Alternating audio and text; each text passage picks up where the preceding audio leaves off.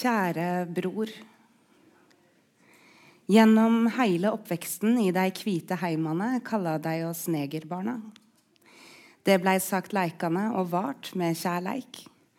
Mens tremenninger og fetterar fikk være barna til onkler og barna til tanter, var vi alltid negerbarna til mamma. Sjokoladebarna. Og jeg husker da jeg var elleve jeg husker at hele kroppen din dirra, du vibrerte. Det var bursdagen til mormor, og du prøvde å forklare alle de voksne på en gang at du ikke ville mer. At du ikke orka det ordet. At det ordet fikk det til å rykke i kroppen din. At det var feil. At det gjorde vondt. Du blunka tilbake tårene, og røysta di auka i volum, og du var klønete og uartikulert og mer sint enn tydelig. Og du var 13. Så fikk du høre at sånn har det alltid vært, og sånn vil det alltid være. Vi har alltid brukt det ordet. En sier jo negerboller òg. Er alt med eit blitt gale nå? Herregud, du har vokst opp i Norge og ikke i USA. Nå er du svært sensitiv, vennen min. Vi mener jo ikke noe vondt med det. Og så snudde mormor seg mot meg og sa Kamara har jo ikke noe problem med at vi bruker det ordet. Eller og jeg svarte at jeg ikke hadde noe problem med det. At jeg faktisk likte det. At vi sier trass alt negerboller i det landet her. Og at du var latterlig som trodde du var en gangster fra USA. For når jeg var sammen med de voksne, så likte de meg bedre. Og for meg var det viktigere enn at du likte meg, for jeg syntes du var en dust. Og lufta seiv ut av deg som fra en ballong. Du sprakk ikke. Du må ha skjønt at du var aleine. Du gikk ut i hagen og sette deg. De voksne sa du skulle få furte ferdig i fred. Jeg blei værende inne og åt banankake. Det kjentes som at jeg hadde vunnet noe. Det hadde ikke rykt i kroppen min. Ikke ennå. Jeg drømmer om det om natta. Du og jeg, vi har aldri snakka om dette. Og jeg har heller aldri bedt om årsaking. Men jeg lover å gjøre det før denne boka går i trykken. Å slutte. Jeg bestemmer meg ofte for å slutte. Med jevne mellomrom bestemmer jeg meg for å slutte å snakke med hvite mennesker om rasisme. Somme ganger fordi det kjennes som bortkasta energi i møte med ei uproduktiv skuldkjensle. Skuldkjensla manifesterer seg ofte i tårer, det hender jeg tenker at jeg blir betalt for å få folk til å gråte. Somme ganger bestemmer jeg meg for å slutte i møte med den innbitende forsvarsposisjonen hvitheta får når den blir minnet på at den er hvit. Ingen liker å bli minnet på hudfargen sin. Somme blir veldig sinte. Og samme hva jeg har å si, kan det sies nesten like så tydelig av andre hvite mennesker, og de vil kunne si det uten at det koster dem så mye. Og kanskje folk ville lytte mer til deg. For det er med en enorm emosjonell kostnad jeg har disse samtalene om og om igjen. Det er emosjonelt arbeid. I rolla som pedagog går jeg inn i en viss modus i alle disse samtalene. Det fins ingen dumme spørsmål, sier jeg. Jeg puster med magen og svarer, og pedagogen forlater meg ikke. Til slutt blir det vanskelig å skru henne av. Så når jeg sitter i en taxi i København og sjåføren spør hvor jeg kommer fra og hva jeg gjør, så svarer jeg. Og når han spør om hva slags kunst jeg lager, så svarer jeg. Og når han spør om han kan stille meg et personlig spørsmål, så sier jeg ja. Og så spør han om jeg tror det er raseskilnad på å ligge med svarte damer sammenligna med hvite damer. Han har alltid hatt lyst til å ligge med ei svart dame fordi vi kanskje har noe mer dyrisk i oss, i DNA på en måte. Eller tror jeg kanskje det handler mer om kultur enn om hudfarge? Og da svarer jeg han. Og pedagogen er på, så jeg svarer saklig og sakte med forståelige ord og ei røyst som ikke skingrer, ei røyst uten støy, og jeg er mer tydelig enn sint. Og han takka meg for svaret og sier at det hadde han ikke tenkt på, og det skal han tenke mer på, og neste gang skal han til og med kanskje tenke seg om. Og jeg betaler og går ut av taxien. Og jeg tar en sigarett før jeg trykker på ringeklokka til venninna mi, for jeg har ikke lyst til å være hun som igjen kommer stormende inn i leiligheta på besøk og får alt å handle om meg sjøl og hudfargen min. Dette skjedde meg, som får alt til å handle om det som skjedde meg. Noe har skjedd meg Så jeg tar en røyk før jeg ringer på, trekker røyken djupt ned i lungene, drar den ned i magen.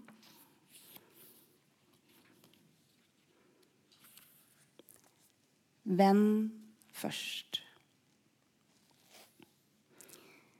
Jeg tenker ofte på hva folk snakker om når jeg ikke er der. Bruker hvite folk mye tid på å diskutere n-ordet?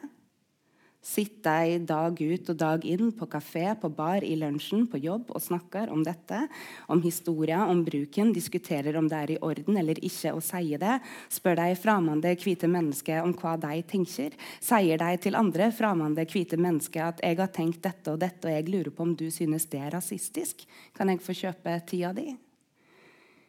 De fleste av vennene mine er hvite. Jeg bor i Skandinavia. De fleste mennesker rundt meg er hvite. Jeg tenker ofte at jeg bruker disproporsjonalt mye av tida mi på å snakke om rasisme, på å få spørsmål om rasisme, på å få tilsendt lenker om rasisme, inspirerende artikler, hysteriske memes. Facebook-feeden min renner over av deg. Algoritmene til Mark Zuckerberg har laga et ekkokammer bare til meg. Og jeg lurer ofte på om dette er lenker som folk jeg kjenner, sender til andre folk de kjenner, som for å si 'dette er viktig', eller sender de dem bare til meg? Diskuterer det ordet neger bare når jeg er der, eller sitter på egen hånd og gjør det òg? Denne tanken gjør meg glad. Jeg tenker kanskje engasjementet stikker så djupt at jeg ikke er en trigger i rommet, en katalysator til å snakke om noe som er vanskelig. Jeg prøver å la være å ta det opp. Jeg tar det ofte opp. Det blir alltid tatt opp. Før jeg møter vennene mine, planlegger jeg hva jeg skal snakke om. Hvor mye har jeg snakka om rasisme denne veka, sist vi drakk øl? Hvor mye har jeg snakka om noe som har skjedd meg, skjedd andre? Jeg er et sanningsvitne. Jeg er et politisk prosjekt. Jeg er brun. Men jeg er venn først. Først vil jeg være ei av deg rundt bordet som balanserer samtalen. Vi snakka litt om deg, vi snakka litt om meg, vi snakka litt om oss. Men når jeg er der, når hudfargen min er der, så er det vanskelig å skifte tema tilbake til deg etterpå. Det er vanskelig for deg, kanskje fordi du ikke vil verke respektløs. Det er vanskelig for meg òg. Jeg går sånn opp i det. Jeg klarer ikke å slippe det. Jeg trenger at du tror meg. Helst vil jeg slippe. Det er bare det at når jeg setter i gang, så blir jeg monoman. Jeg blir anal. Jeg blir brun først, venn etterpå. Det hender jeg blir letta når noen kaller meg nigger framfor noen jeg kjenner. Jeg tenker der. Der så du det. Neste gang de kommer opp, så kan du få fortelle det. Du kan få gå på kafé neste uke sammen med noen andre og si at 'dette skjedde, dette skjedde deg', så slipper jeg. Og når jeg møter vennene mine på kafé to uker etter, og de andre spør hvordan jeg har det, og jeg ikke nevner episoden der noen sa 'nigger' på legevakta på Karl Johan på Oslo City i baren, så sier de at de vet det. De har hørt hva som skjedde, og de spør hvorfor jeg ikke sa noe. Og da kan jeg si at det var ikke noe spesielt. Det skjer så ofte hele tida. Jeg sier ikke fra til dere hver gang, selv om det virker som at jeg snakker om det hele tida. Jeg snakker om det hele tida. Og da tenker de kanskje å, hun er brun først. Og hun prøver å ikke være det. Hun er også en venn. Dette skjedde, dette skjer ofte, dette har skjedd flere ganger enn vi forstår, og jeg slipper. For i min monomani så er jeg ikke bare brun først og venn etterpå. Jeg gjør dykk hvite først også.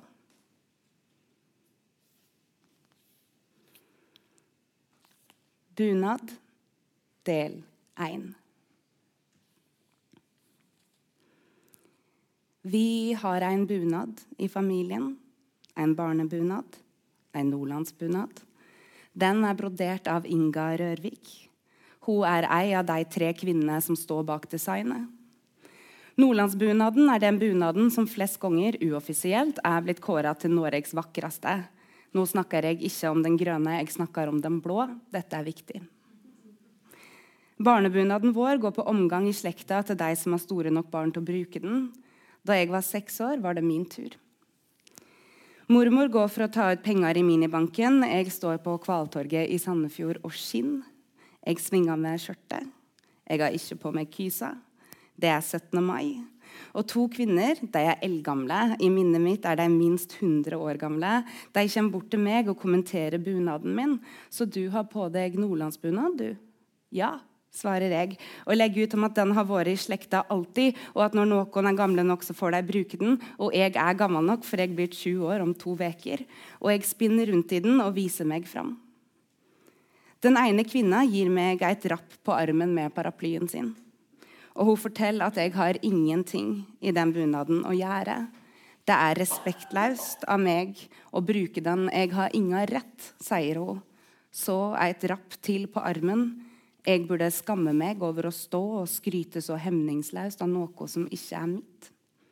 Jeg gnir meg på armen og stirrer på henne. Så kommer mormor bort, springende, svingende, og hun slår den ene dama med veska si og hytta med neven og ber dem dra til helvete og roper at det er de som burde skamme seg. Og damene styrter av gårde, og mormor er en superhelt, og hun er rasende og kjærlig, og hun tørker tårene mine og tar meg med på tivoli. Og sjøl om jeg kommer fra en sukkerfri heim, kjøper hun to hele sukkerspinn til meg. Og jeg et begge og blir så kvalm at etter karusellen kaster jeg opp på bunaden.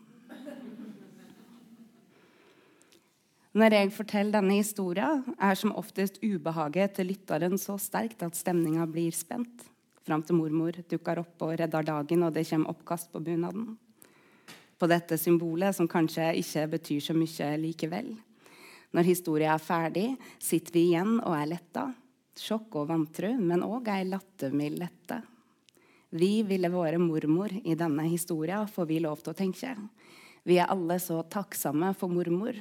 For om det fins ei mormor, så får vi være henne, og ikke damene. Og aldri dama som slo med paraplyen. Men hva med venninna hennes? Hun som ikke sa noe? Stilla hender var like aktiv som paraplyen for meg. Men mormor kom først etterpå, etter at damene hadde gått. Det er en helvetes kø framfor minibanken 17. mai. Det fantes ikke VIPS på 90-tallet. Mormor kunne ikke noe for at hun ikke var der, like lite som at jeg kunne noe for at jeg sto der. Og da mormor kom, så sa jeg ikke noe. Og siden jeg ikke sa noe, kunne hun heller ikke gjøre noe. Men rappa på armen var ikke så harde, og det tok ikke lang tid før jeg slutta å gni på dem og ble distrahert av borgertoget.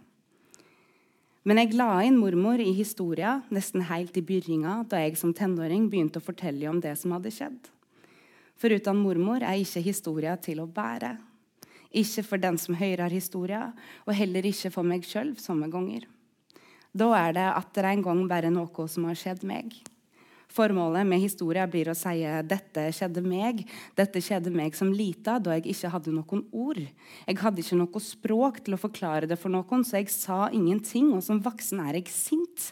På vegne av jenta i nordlandsbunad er jeg sint, og jeg vil fortelle det til deg. Det er viktig for meg at du forstår hvorfor jeg er sint. Men jeg vil ikke være hun som igjen innleier samtalen med noe som har skjedd henne. Dette skjedde meg, som igjen får alt å handle om meg og hudfargen min. Så historia handler om at mormor var en superhelt. Noen ganger for de skyld, men kanskje mest for mi eiga. Takk.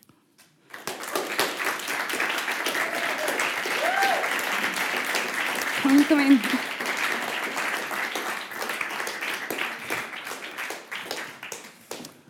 Masse plass foran her.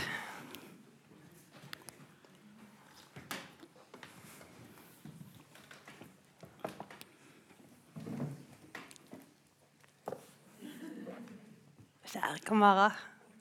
Kamara Kristina Lundstad-Jof Kjære Kristina. Navnet ditt. Dette minner meg om første gangen vi traff hverandre. For da fremførte du også et utdrag. I dag har du lest utdrag fra boken din. Jeg snakker om det hele tida. En fantastisk bok. Men første gang jeg traff deg, så fremførte du et utdrag fra skuespillet som du har skrevet og reist rundt og turnert med, som heter 'Pavlovs tispe'. Ja. Og vi var i kjelleren på Litteraturhuset i Oslo. Og jeg husker jeg hørte deg fremføre dette utdraget. Du skal få fortelle litt om stykket ditt. Og jeg tenkte dette mennesket må jeg bli kjent med. Eh, fordi jeg skulle gjendikte en bok, og jeg tenkte at du måtte gjendikte den boken med meg. Og så tenkte jeg herregud, hun kommer til å tro at jeg er helt sprø. Men eh, det kan jo være du tenkte, men vi ble i hvert fall kjent med hverandre uansett. Og det har vært fantastisk, for du er et menneske som det ikke fins mange av i dette landet. um, du har reist rundt og turnert med et stykke, for du er dramatiker uh, først og fremst, eller egentlig, mm. uh, på norske skoler. Du har uh, vært på scenen i Stadsteatret i Stockholm i ukevis, og det er det mest prestisjefylte kanskje teateret i Sverige, og hatt forestilling.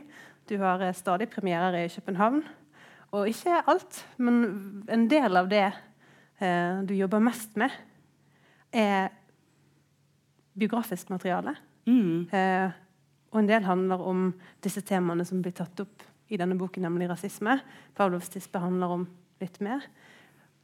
Så kan ikke du fortelle oss om hvordan eh, Vi kan begynne med hvordan den forestillingen ble til, og hvordan du det jeg er interessert i, er hvordan fant du det språket som du ikke hadde når du var dette barnet som ble rappa på armen? Hvordan på en måte fant du det språket og ble den personen som lagde den forestillingen?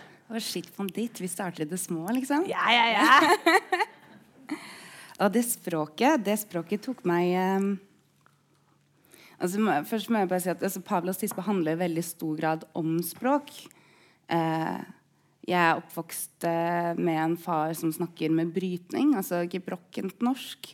Eh, det var mange ord som jeg uttalte som barn slik som han uttalte det, og ble veldig satt ut av dette møtet med voksne og språk, og det skulle lære sin egen forelder et språk som de skal navigere ut i verden, og det å oppleve at han ikke ble tatt seriøst.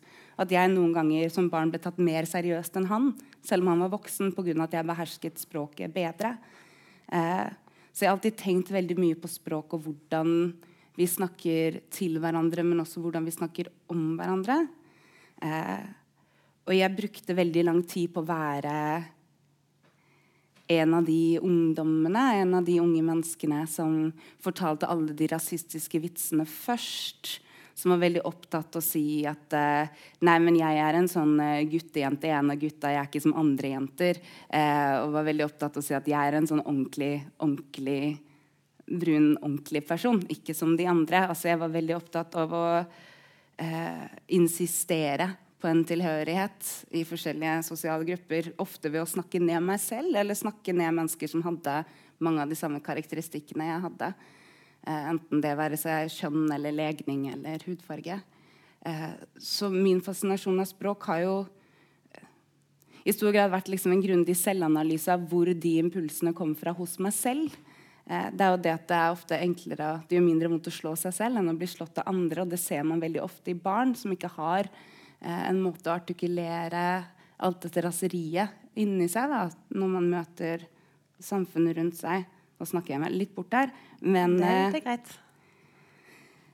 Nei, men det, det, å finne det språket har tatt uh, veldig veldig lang tid. Det tok, uh, jeg leter jo fortsatt i det, og det er derfor jeg ikke er lojal mot noen sjangere. Jeg jobber både med audiovisuelle installasjoner, med teatertekster, med poesi, med uh, sakprosa, for å se liksom, hvor finner man dette språket. Hvordan snakker man om dette språket både i musikken, visuelt og tekstlig. Da.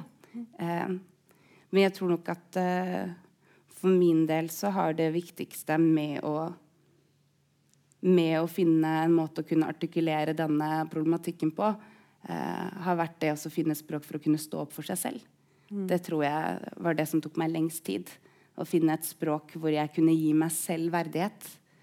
Eh, det har vel vært liksom kjernen i denne letingen som gjør at eh, veldig mye av eh, mitt kunstneriske materiale ender opp med å handle om meg sjæl.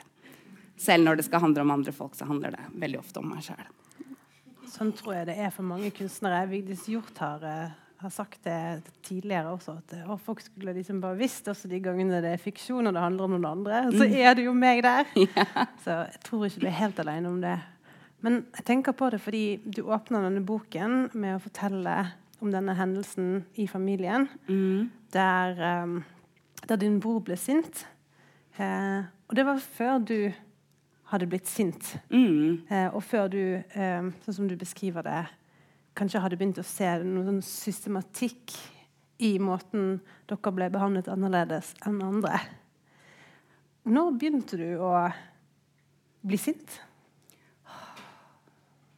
Jeg var rundt 24. 24? Ja. Var rundt den samme tiden som jeg begynte å like meg sjøl. Ja. Altså, jeg tror at det er liksom noen av de mest liksom, revolusjonerende aktene man kan gjøre i sitt eget liv, er å begynne å like seg selv. Og jeg måtte bli godt ut i 20-årene før jeg gjorde det. Eh, men da klarte jeg også å begynne å artikulere et sinne. Eh, og det å tørre å kjenne på et sinne, og ikke se på sitt eget sinne som en byrde for andre. Um, men jeg, jeg, tror nok at jeg med årene blir egentlig bare sintere og sintere og sintere. Og at det her ligger en enorm eh, befrielse i å få lov til å jobbe med raseri. Mm. Eh, ja. Men eh, sinnet mitt fant jeg i begynnelsen av 20-årene. Jeg tror nok at jeg som mange andre ungdommer eh, jeg har jo alltid vært sint. Altså, som barn også, selvfølgelig, så var man jo sint når man opplevde urettferdighet, når man opplevde eh, diskriminering, vold. Eh, men at jeg hadde en tendens til å internalisere dette raseriet på samme måte som man, man internaliserer eh, rasismen. Eh, så jeg pleide jo oftest å straffe meg selv for mitt eget raseri istedenfor å plassere det ut i verden hvor det egentlig eh, kunne ha mest eh, funksjon. Eh, så jeg tror nok at jeg begynte å bearbeide dette sinnet i, i 20-årene. Ja. Men eh, jo, nei. Jævlig forbanna som voksen. Veldig deilig. Vi skal snakke mer om dette sinnet, for veldig mye i denne boken handler om ulike former for sinne og ubehag, og hvem som har ansvar for det. Mm. Eh, fra eh, du ja, som sagt åpner denne boken med å liksom holde det inne i det liksom, gode selskapet for å spise kake. Eh, sammen med de som eh, Banankake. Banankake. Det er, det er godt med banankake, da. Til eh, du i voksen alder beskriver mange episoder, f.eks. på fester, f.eks. med venner, der eh, ubehaget du ikke Du vil ikke ta inn over deg det ubehaget, men du på en måte vil la andre eie det. Og, eh, og det å på en måte ja, hele tiden jobbe med ubehaget.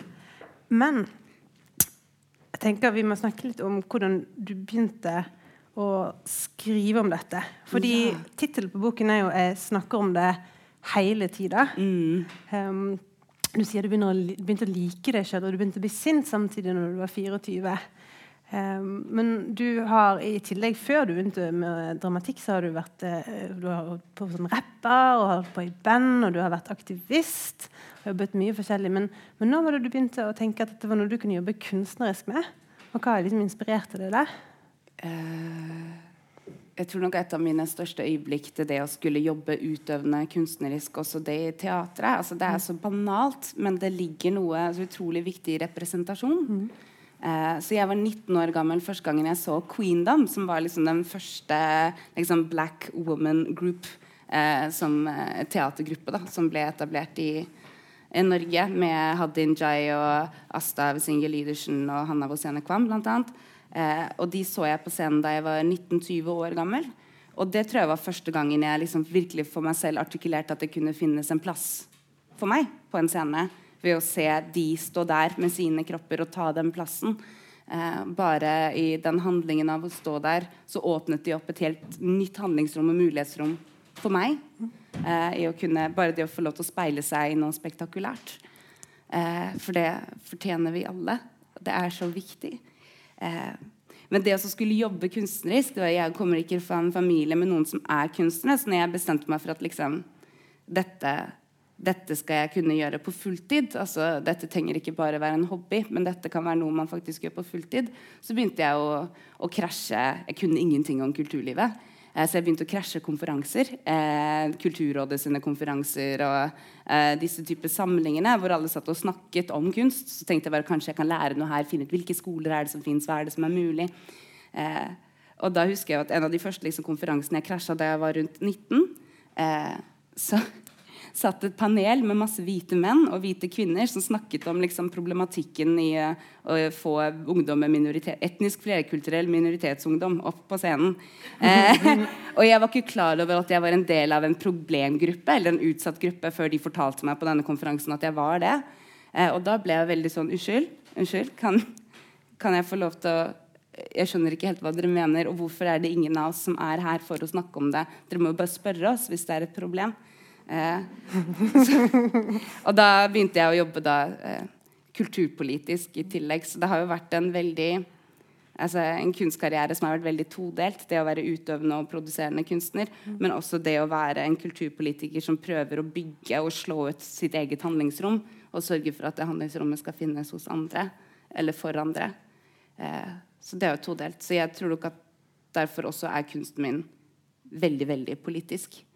Eh, og så kan det hende at du refererer til denne episoden når jeg var med på å lage en dokumentarfilm da jeg var 13 år gammel, som jeg skriver om i boka, som også handler om det å, eh, det å prøve å eie sitt eget narrativ. Da. Skal du lese den uh, lille utdraget der? Det kan jeg gjøre. Ungdom først.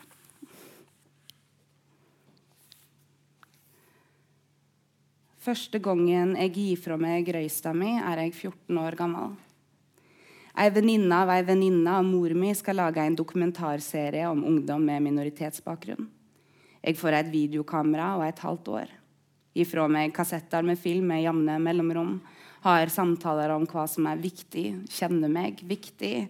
Alt jeg har å si, er viktig nå. Hun tror på meg. Filminga mi skal kortes ned til en liten video. Jeg gir fra meg den siste filmen og venter. I mellomtida blir jeg konfirmert. Jeg reiser inn til Oslo for å se filmen. Jenta på filmen er fra Amand. Jeg kjenner ikke igjen meg sjøl. Det var jo jeg, det var jeg på filmen, men historia var ikke mi. Jenta på filmen framsto som et jævla offer. Regissøren hadde fastsett hva som var viktig. Jeg visste ikke hvor brun jeg var før jeg så noen redigere meg sammen. Da jeg så filmen, virka det som at jeg skilte meg mer ut enn jeg egentlig følte at jeg gjorde. At jenta på filmen gret veldig mye.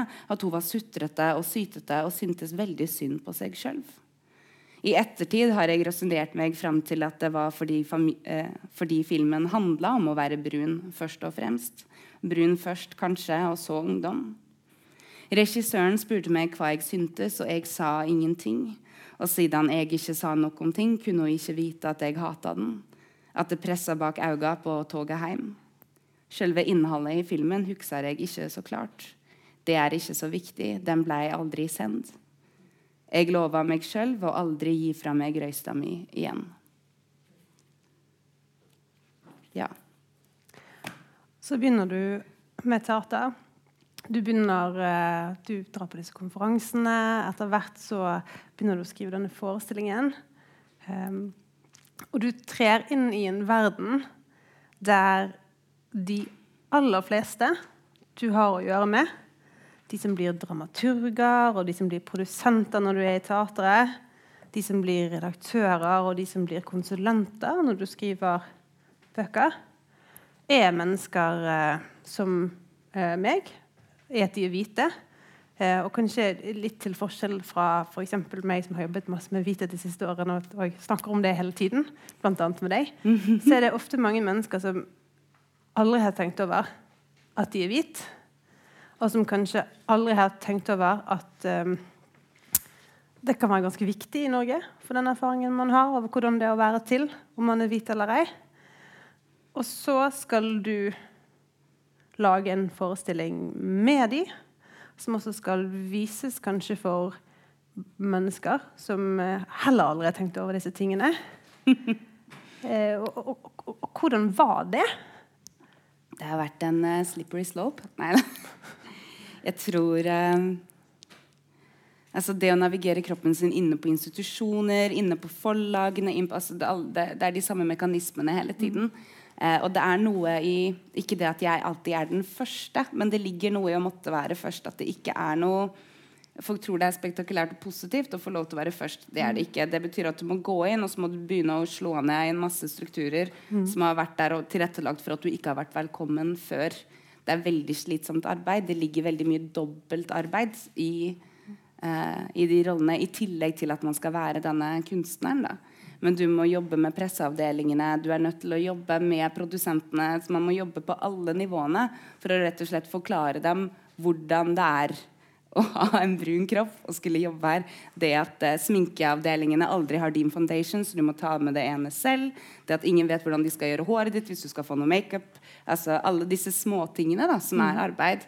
Men også veldig banale ting, som at jeg har aldri satt opp et teater på, altså et stykke på et norsk teater uten at noen i posisjon over meg eh, har foreslått at vi skal ha ordet 'neger' i tittelen min. Det har faktisk aldri skjedd. I uh, Pavlos Hispe fikk forslaget at den skulle hete 'Kamara Show en neger står opp'. Eh, det var en lang diskusjon. Eh, det er et stykke jeg jobber med nå, som heter eh, 'Samtaler med bror', som er et teaterstykke jeg lager om broren min. Jeg fikk forslaget at det skulle hete 'To små negerbarn'. Eh, og det at man er nødt til å ha disse samtalene da, kontinuerlig inne på institusjoner som egentlig skal være der for å ivareta deg, som egentlig skal være der for å hjelpe deg å gjøre denne jobben enklere, det, det dobbeltarbeidet der, det, det kan også gjøre en person litt sint eh, en gang imellom. Ja, og så er det jo en forestilling, tror jeg, eh, blant mange som jobber med kultur, at alle som er opptatt av kultur, de er jo antirasister. Ja. Så hvorfor skal du lage liksom teater som handler om rasisme? Sånn, alle som kommer på sånne ting. Ja, jeg blir ofte spurt hvorfor, jeg, altså, hvorfor, lager du, hvorfor jobber du med denne tematikken i teatret. Eh, hvis Frp-ere går jo ikke på teater, og det er jo bare Frp-ere som trenger denne type kunsten. Som jeg tenker er veldig interessant da, med liksom, altså, at kulturlivet i veldig stor grad er dominert av venstresida. Altså, alle demografier viser liksom at det er venstresidefolk eh, som i stor grad produserer kunst, og som bruker kunst. Og så har vi denne ideen om teatret eller kunsten da, som en sånn dannelsesapparat for de andre. Som om at rasisme er et høyresideproblem. Og så er det oss gode mennesker på venstresida som solidarisk jobber sammen mot dette. Eh, som fritar oss veldig veldig mye ansvar fra å måtte se på oss selv. Og for å forstå at vi er en, og jeg inkluderer meg selv i det vi er, en del av den samme strukturen, en del av det samme apparatet, og at vi også er med på å gjenskape og reprodusere og forsterke disse mekanismene. Eh, så jeg elsker å gå rundt og liksom sparke på venstresidefolk. Eh, fordi også det er så sårt. da. Det er jo kjempesårt å tenke at man er en alliert, og tenke at man er der ute på en misjon, og så evner man ikke helt å se seg selv og sin egen posisjon i det. Jeg tråkker jo ofte veldig feil der selv også. Jeg sliter jo også med de samme privilegiene eh, i, den forstand. Eh, så det, det er et, eh, et, arbeid og en samtale som jeg tenker vi må bli flinkere å ta. Da. Spesielt inne på institusjonene, inne i kulturlivet, eh, eh, også i litteraturen. Eh, på det at vi noen ganger er litt det er litt det norske syndromet med at vi klapper oss selv på skuldra er så stolte av oss sjæl, og så er vi ute og gjør en god jobb for de andre. Eh, Istedenfor å forstå at vi også er en Vi er jo ikke utenfor samfunnet. Vi er jo en like stor del av dette som alle andre. Eh, og det det, jeg synes i hvert fall det er veldig interessant å jobbe med. Jeg syns det er veldig gøy å jobbe med det. Og til tider litt upopulært. Ja. Til tider litt upopulært. Litt upopulært. Så du skrev denne forestillingen. Du hadde 200 forestillinger med Pavlovs tispe. 207 soloforestillinger på halvannen time. Du reiste rundt, og du sa Ør, husker jeg, når vi møtte hverandre i Stockholm. Nå skal jeg ikke jobbe med det her rasismegreiene kunstnerisk mer? Nei, jeg var veldig igjen denne klappe seg selv på skulderen at nå har jeg gjort mitt. Vær så god. Eh, nå skal jeg bare skrive om porno. Ja. ja. Fordi at uh, denne boken her skulle egentlig ikke bli en bok om rasisme. Nei. Og det er jo veldig morsomt, for den er jo et, uh, på et sett et bestillingsverk. Mm. Uh, fordi det er jo en del av serien til Det Norske Samlaget, som er forlaget mitt eh, norsk røyndom, altså norsk virkelighet. Eh, og da kontaktet de jo ulike forfattere eller dramatikere eller folk med variert liksom, skriveerfaring og sa kun du tenkt deg å skrive inn i den serien her. Og det er jo veldig morsomt. Jeg elsker forlaget mitt. Eh, men da jeg ble tatt inn på det møtet, så var jo pitchen liksom at ja, at vi skal lage denne serien, og du står helt fritt til å skrive om akkurat hva du vil, Kamara. Være det norskhet eller utenforskap eller liksom hvordan du har lyst til å ta tak i det, så står du helt fritt til å skrive om hva du vil. Være det rasisme eller hudfarge. Og jeg, bare, jeg følte meg veldig fri nå, folkens. Takk skal dere ha. eh, og da sa jeg nei, jeg skal skrive en bok om porno. Eh, og det er det eneste premisset jeg er med på denne serien på, er hvis jeg får lov til å skrive en bok om porno om veldig spesifikt denne følelsen av enorm skam det sekundet du lukker datamaskinen og legger den til side ved siden av senga og legger deg ned sånn og tenker liksom Kan jeg være en god feminist etter å ha sett på dette? altså Er det forenlig å være feminist og ha gjort og deltatt i dette, denne handlingen? Mm. Eh, og så skulle jeg ta et, sånn, et ordentlig oppgjør med meg selv rundt det nå. Ja, Eh, jeg skulle tatt ordentlig oppgjør med meg selv med det at jeg ikke kan se sorte kvinner bli behandlet dårlig i porno. For da går jeg rett på segregasjon og slaveri. Og jeg kan ikke jeg kan ikke se asiatiske kvinner bli behandlet dårlig i porno. Jeg går rett på prostitusjon og sweatshops. Men å se hvite kvinner bli behandlet dårlig i porno er jeg helt ok med. Og så prøver jeg å finne ut liksom, hva er det, og er det lov? Og hvor går den grensen? Eh, så det var det jeg skulle eh, utforske. Eh, men hver gang jeg skulle skrive, skrive dette når jeg skulle analysere dette og sende det fra meg til redaktører, sånn, så var jeg litt sånn pga. rasisme. Sånn, men det er ikke det jeg skal skrive om. så jeg skal bare skrive, Men dette er jo internalisert rasisme. Dere vet. Og så gå videre. Og fikk hele tilbake denne liksom, Men hva mener du med det? Hva er det? Og så prøvde jeg å finne liksom, et oppslagsverk som kunne referere til hvordan rasisme er i Norge i vår samtid. Hvordan den erfaringen kjennes. Mm. Eh, og så fant jeg det ikke. Det fantes ikke noe veldig sånn Alle referansene var eh, amerikanske eller britiske eller franske eller sørafrikanske. Eh, som gjorde at alle snakket om det som et importert problem. Og ikke som et reelt problem vi hadde her. Og hvis vi skulle snakke om det, så snakket vi om det i det ekstreme. At det er liksom, ja, men Rasisme i Norge er drapet på Benjamin Hermansen. Eh, og de var jo gærne høyreekstremister. Mm. Ingen andre kan være rasister. Eh, for det er det vi vet om rasisme i mm. dette landet. Eh, og da innså jeg at når det verket ikke fantes, eh, så kunne ikke jeg skrive en bok om porno uten å skrive denne boka først. Sånn at jeg kunne skrive en bok om porno. Eh, så når pornoboka kommer, så skal jeg referere til denne boka hele tiden. Som jeg sa i den andre boka om rasisme. Her er porno, porno, porno. Eh, så dette er liksom en lengre del av en prosess da, for å kunne få lov til å referere til meg sjæl. Herregud. Ja. Nei. Ja, det svarte på spørsmålet ditt, gjorde det ikke? At det var sånn det var. Det var sånn denne boka ble til. Ja. Rett og slett. Og så var jeg jo veldig sur eh, over at jeg måtte skrive den når det ikke var den jeg ville skrive. Eh, så det skinner også ganske godt gjennom i boka. At det er en veldig stor motstand til å skulle skrive den. Eh, jeg var ganske rasende eh, og vanskelig å bo med eh, i de månedene jeg satt og jobbet med den. Fordi det er jo vondt. Eh, det er eh, ydmykende eh, å skulle humanisere seg selv.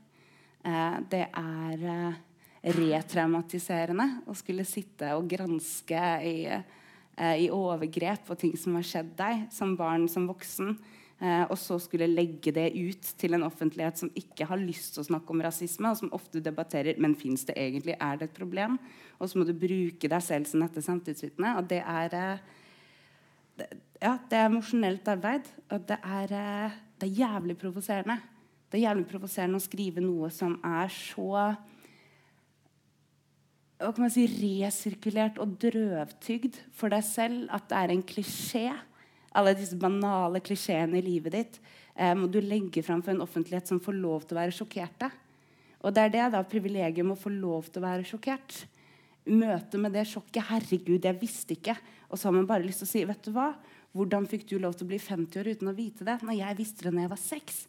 Altså, den der den er en håndfull å navigere, også tekstlig. Så da kommer man tilbake til liksom dette raseriet da, som man kommer innom, liksom. Tenker jeg. Så det Ja. Så blir det et raseri som um, du på en eller annen måte, som du beskriver det her, eh, blir nødt til å til dels ha for å liksom beholde din egen verdighet. Mm. Men som du også blir bedt om å liksom skru ned og regulere.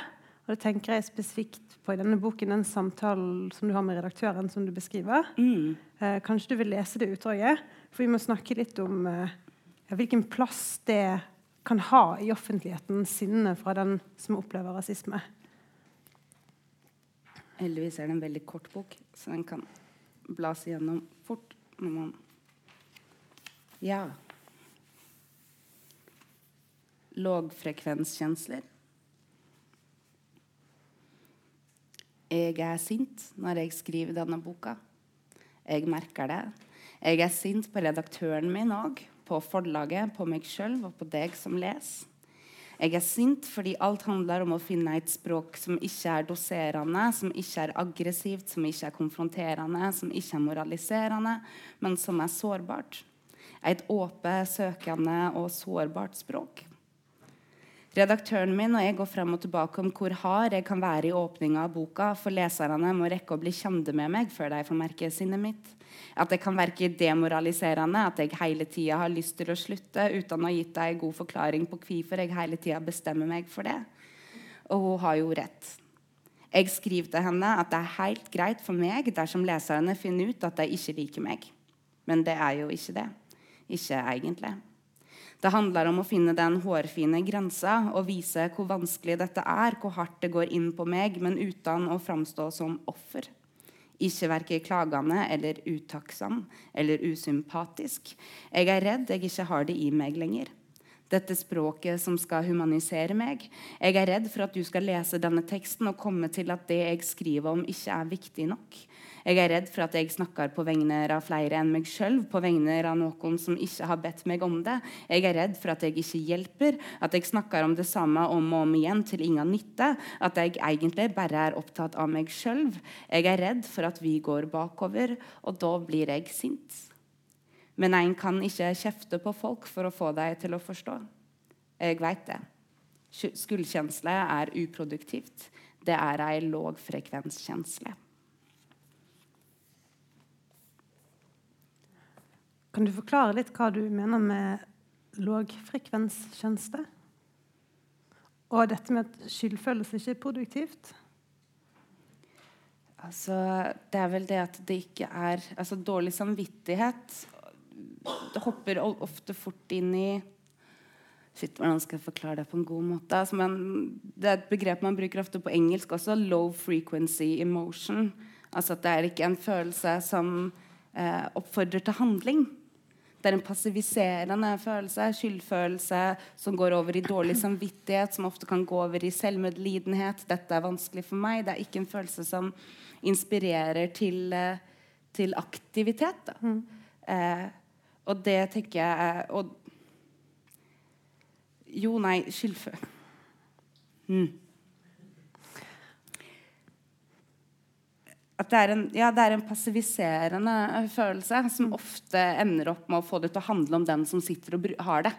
Altså at Når folk får dårlig samvittighet eller sitter med skyldfølelse i møte med denne tematikken, så ender jeg ofte opp med å snakke mer om følelsene til den personen enn det vi egentlig snakket om i utgangspunktet, som var følelsene til de som var utsatt for det. Mm. Eh, at denne dårlige samvittigheten over å ha vært, en, vært med på et overtramp plutselig får lov til å sette premisser for samtalen istedenfor den som ble trampet på.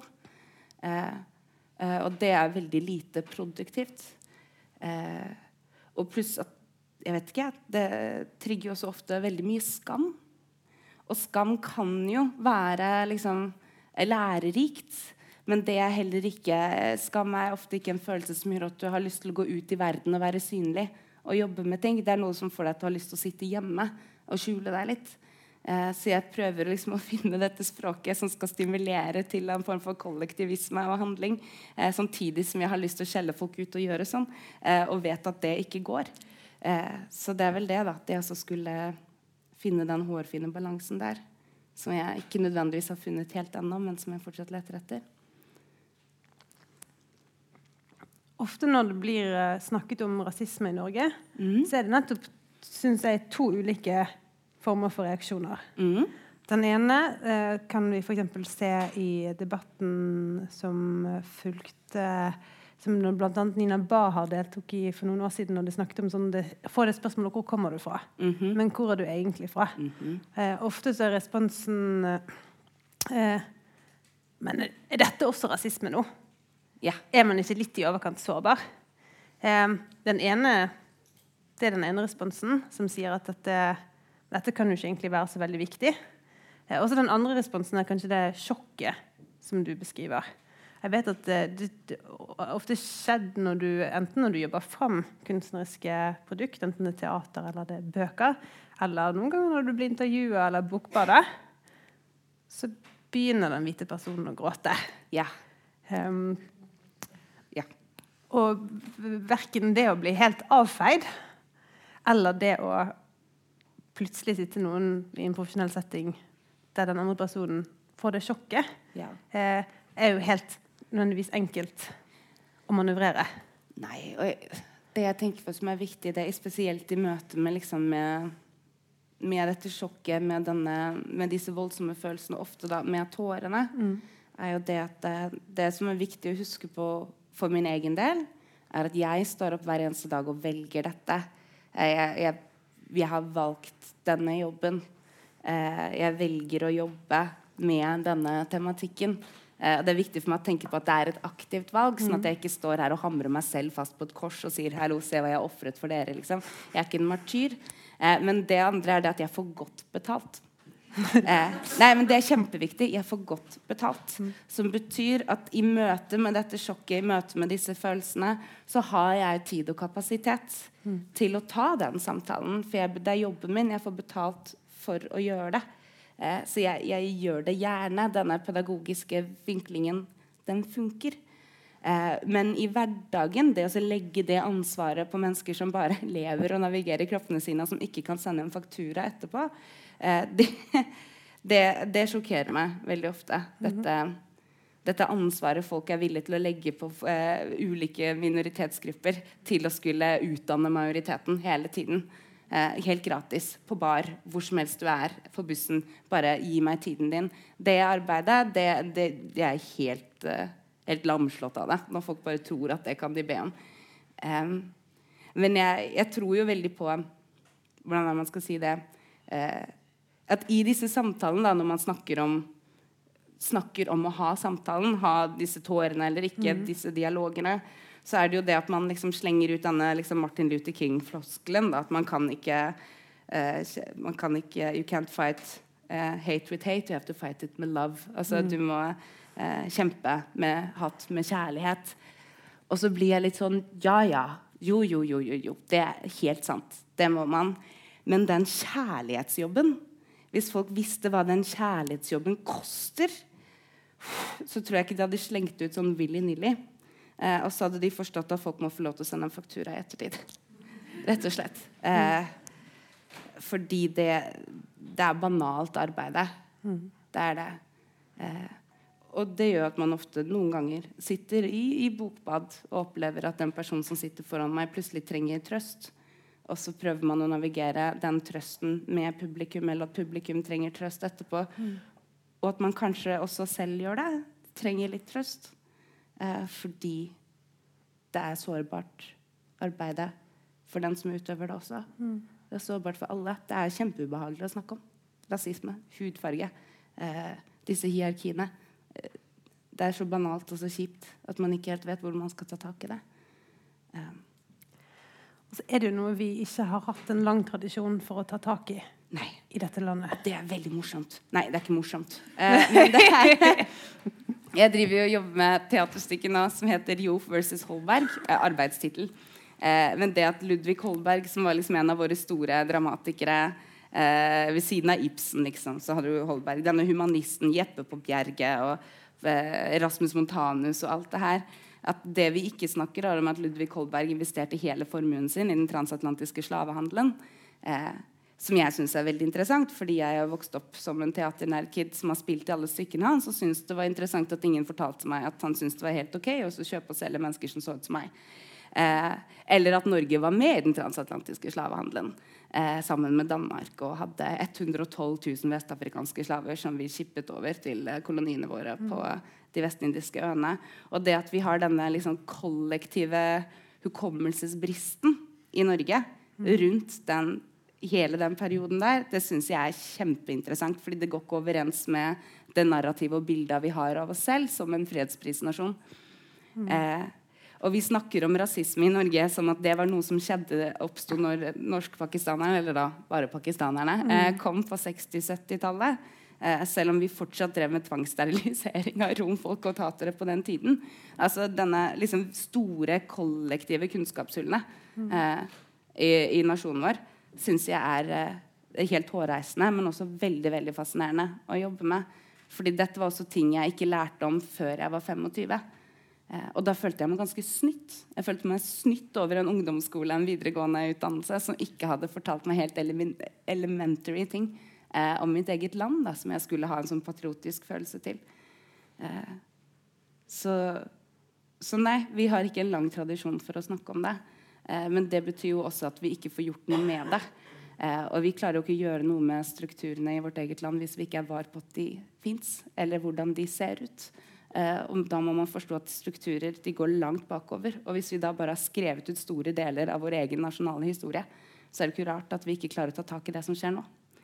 Eh, så det prøver jeg i hvert fall å komme mine små bidrag inn til. Og peke på, peke på vår egen historie.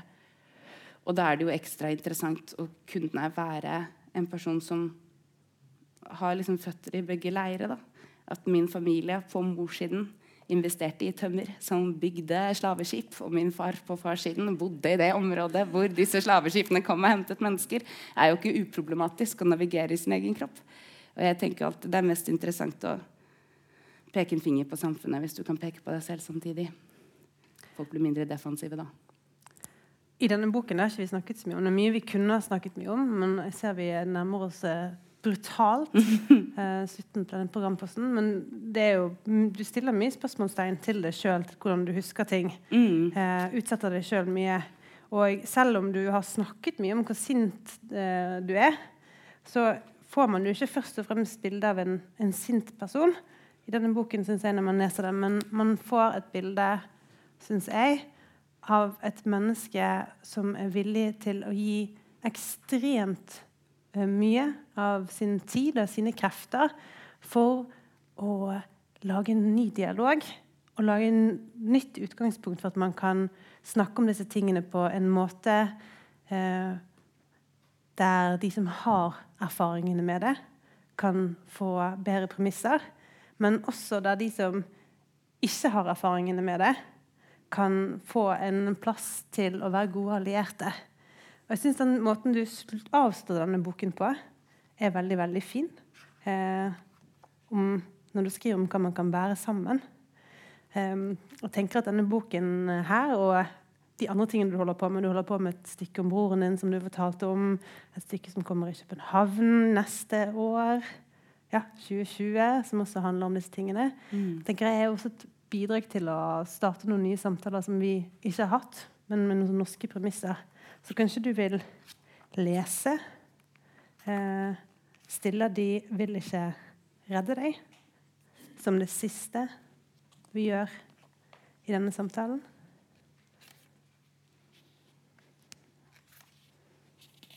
Jeg har faktisk aldri lest høyt før.